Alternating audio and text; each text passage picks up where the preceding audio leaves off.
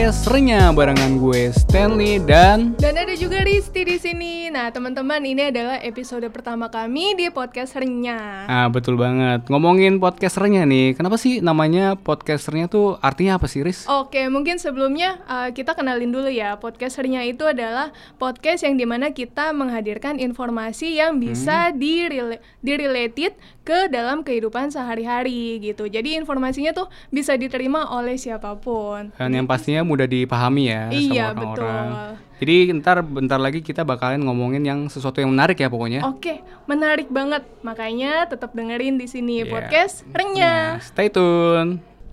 Jadi di episode pertama ini kita bakalan ngomongin apa sih, Riz? Nah, jadi di episode pertama ini kita bakal ngomongin tentang pengalaman dalam melakukan aktivitas olahraga nih. Karena kan nggak semua orang punya pengalaman yang baik terus tentang olahraga kadang-kadang ya. ada buruk-buruknya Iya juga ya. betul Ah. gitu. Nah jadi eh, kadang-kadang tuh gue jadi mikir sendiri sebenarnya olahraga ini bisa jadi sahabat kita atau musuh kita sih sebenarnya gitu. Oh, jadi nggak cuma jadi sahabat baik ya, jadi kadang bisa jadi musuh juga. Iya, nah, emang betul. emang kenapa sih jadi musuh tuh emang kenapa? Jadi emang ada dendam gitu sama olahraga. Iya, jadi gini Stanley, Ah. kalau gue pribadi nih, gue pernah punya pengalaman gak enak waktu SD tentang olahraga. Jadi Iya. waktu SD tuh emang gue nggak suka olahraga kan. Mm-mm. Nah, ketika gue disuruh maju untuk senam lantai di sekolahan, itu tuh gue nggak bisa. Jadi Terus? kayak badan gue kaku gitu loh, nggak bisa dilenturin Stan. Terus cedera dong? Apa Untungnya nggak cedera sih. Ya? Untungnya nggak cedera alhamdulillah karena kan masih dibantuin sama guru gue Mm-mm. gitu. Cuma ya dari situ gue ngerasa kayak kapok aja gitu. Gue ngerasa kalau olahraga itu bukan bidang yang gue sukai. Iya. Gitu cerita gue. Jadi mana cerita lo gitu? Jadi emang ceritanya ceritanya cukup mengerikan sekali ya sampai kayak gitu. Jadi lu masih sekarang sampai sekarang sampai udah gede gini masih trauma dong sama senam lantai.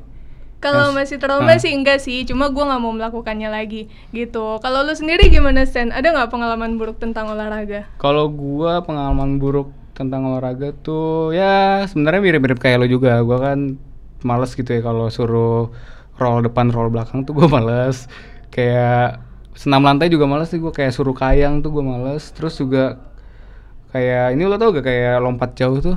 Lompat jauh oh iya tahu. ya gue. lompat jauh tuh gua pernah kayak lompat jauhnya kayak ke seleo gitu kaki gua jadi Oh, wow. gak enak kan kaki gua kayak sakit gitu kan jadi gua males lagi kalau ikut lompat jauh terus juga gua pernah ikut renang Oke. di sekolah nah pas di renang tuh gua pengen renang tapi nggak bisa gua malah tenggelam Wah, ngeri banget sih kalau itu emang. Ya, Terus lo- akhirnya ah, gimana? untungnya ada kan untung ada pelatihnya kan jadi tolongin Cuma kan gini ya Stan, Mm-mm. eh, semakin kita dewasa, kita Hmm. juga semakin mikir dong kalau kesehatan itu penting kan. Penting Dan banget. salah satu upaya untuk menjaga kesehatan itu adalah dengan Hmm. cara olahraga. Iya, Nah, bener. em, kalau gue pribadi nih, gue sekarang mulai merutinkan untuk olahraga lari pagi atau gitu?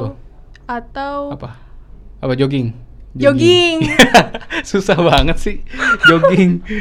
Iya, Berarti lo setiap jogging. pagi jogging apa cuman hari-hari tertentu doang nih? Biasanya hari-hari tertentu sih, gitu. Jadi uh, jadi menyesuaikan juga sama jadwal dan aktivitas kerja gue, gitu. Kalau lo sendiri Hmm. gimana nih? Olahraga apa yang biasanya lo lakukan, Stanley? Ini Riz, gua tuh kalau olah- olahraga itu ya sebenarnya yang ringan-ringan aja. Tapi Contohnya, ya, gue contohnya kayak lu juga, misalkan kayak lari sih, lari juga. Kadang gua nggak setiap hari juga lari, tapi at least gua seminggu tuh minimal tiga kali lari. Nah terus gue juga suka futsal nih sepak bola Wow. gitu. Jadi olahraga yang pengen apa yang gua suka tuh olahraga futsal. Jadi gue semangat terus kalau olahraga. Jadi setiap hari gue jabanin deh. Selain buat menyehatkan, juga buat apa lagi sih? Kalau gue pribadi, Ah, buat lu apa tuh? manfaatnya? olahraga itu bikin mood gue lebih baik. Jadi ketika gue rutin olahraga, rutin lari pagi Mhm. setiap harinya, itu ketika gue ke kantor, pertama mood gue lebih baik, terus juga eh, bikin stamina gue lebih kuat gitu. lebih kuat. Iya, jadi jadi nggak gampang capek, nggak gampang lemas, gitu sih Stanley kalau gue. Kalau lo Hmm. gimana? Kalau gue hampir sama sih kayak lo, jadi bisa ningkatin mood juga ya. Jadi yang tadinya agak sedih, terus lo olahraga jadi lebih mendingan lah, jadi agak happy gitu kan. Berarti kalau habis patah hati gitu ya kak, bisa ya? Bisa, jadi misalkan habis Pelariannya patah hati, ya kan ol- olahraga bisa jadi pura-pura bahagia. Nah, cuma nih ya, kalau untuk diet atau olahraga yang lo tuh tujuannya untuk menghasilkan berat badan yang ideal, Hmm. itu kan otomatis harus dibarengi sama pola makan sehat juga Ah kan. bener banget. Jadi emang kalau misalkan ngandelin olahraga doang tuh percuma. Iya, kalau misalkan lo makannya berlebihan, misalkan lo olahraga nih ya kan, olahraga seharian full gitu kan, tapi lo makannya sebakul, itu sama aja bohong gitu loh.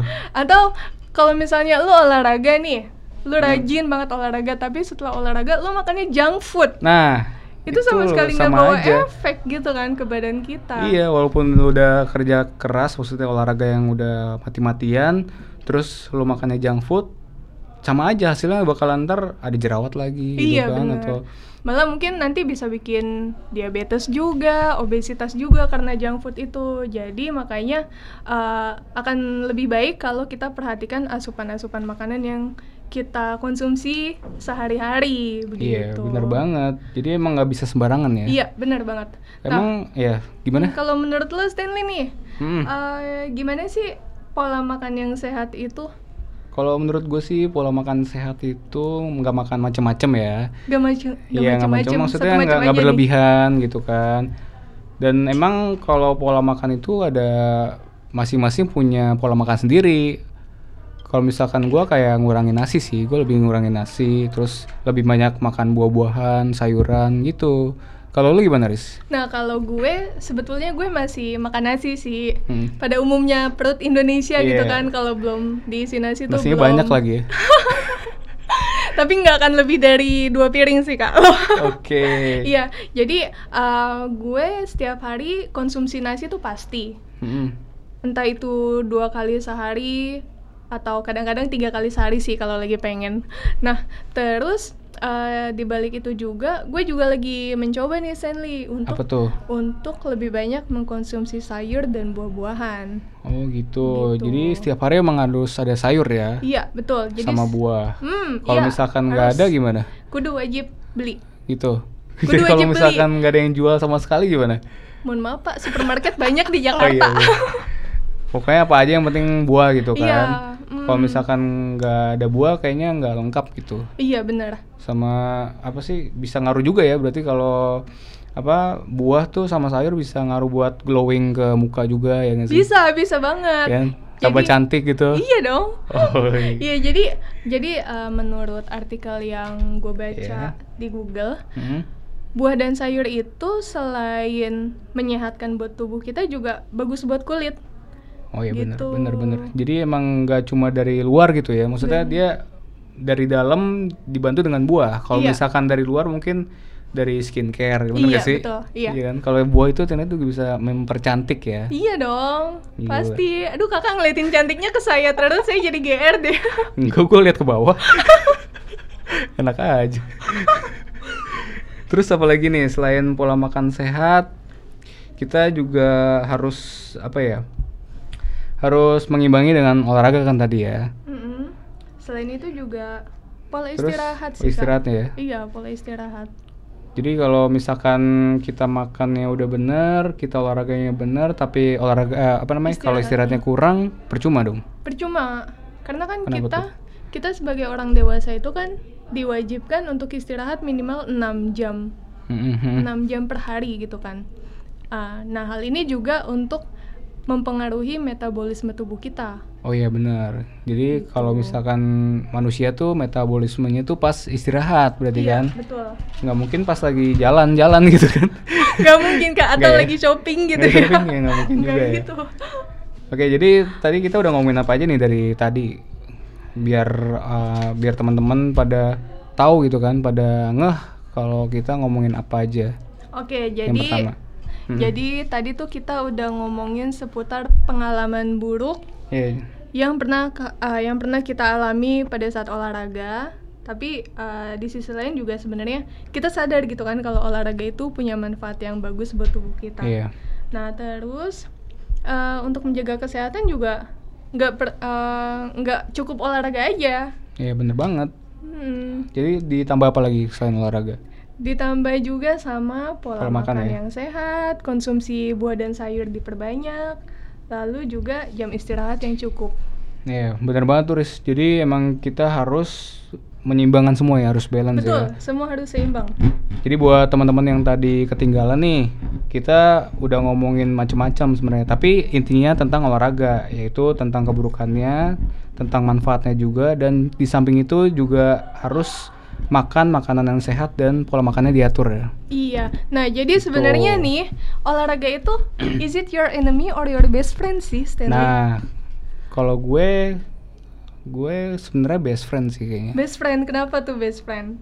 Kayaknya kalau nggak olahraga tuh kayaknya ada yang kurang. Ada yang jadi kurang. iya, jadi gue setiap hari kalau bisa olahraga, tapi emang harus diimbangin sama istirahat juga kan, nggak bisa tiap hari juga.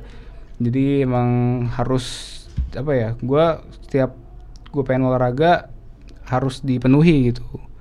Jadi gue merasa berteman baik dengan olahraga. Tapi kalau lu gimana Riz? Kalau Nah, kalau gue sama olahraga? ah. gue sendiri juga ngerasa olahraga itu juga best friend gue gitu kan. Best friend ya? Jadi uh, walaupun dulu sempet jadi enemy buat gue, tapi sekarang best friend karena karena gue udah ngerasain sendiri nih manfaat olahraga ke badan gue. Gue uh, gue pribadi sebagai cewek sukanya itu dari olahraga adalah bikin gue nggak gampang gemuk. Oh iya bener sih, kelihatan sih. Biarpun makan banyak ya. Iya.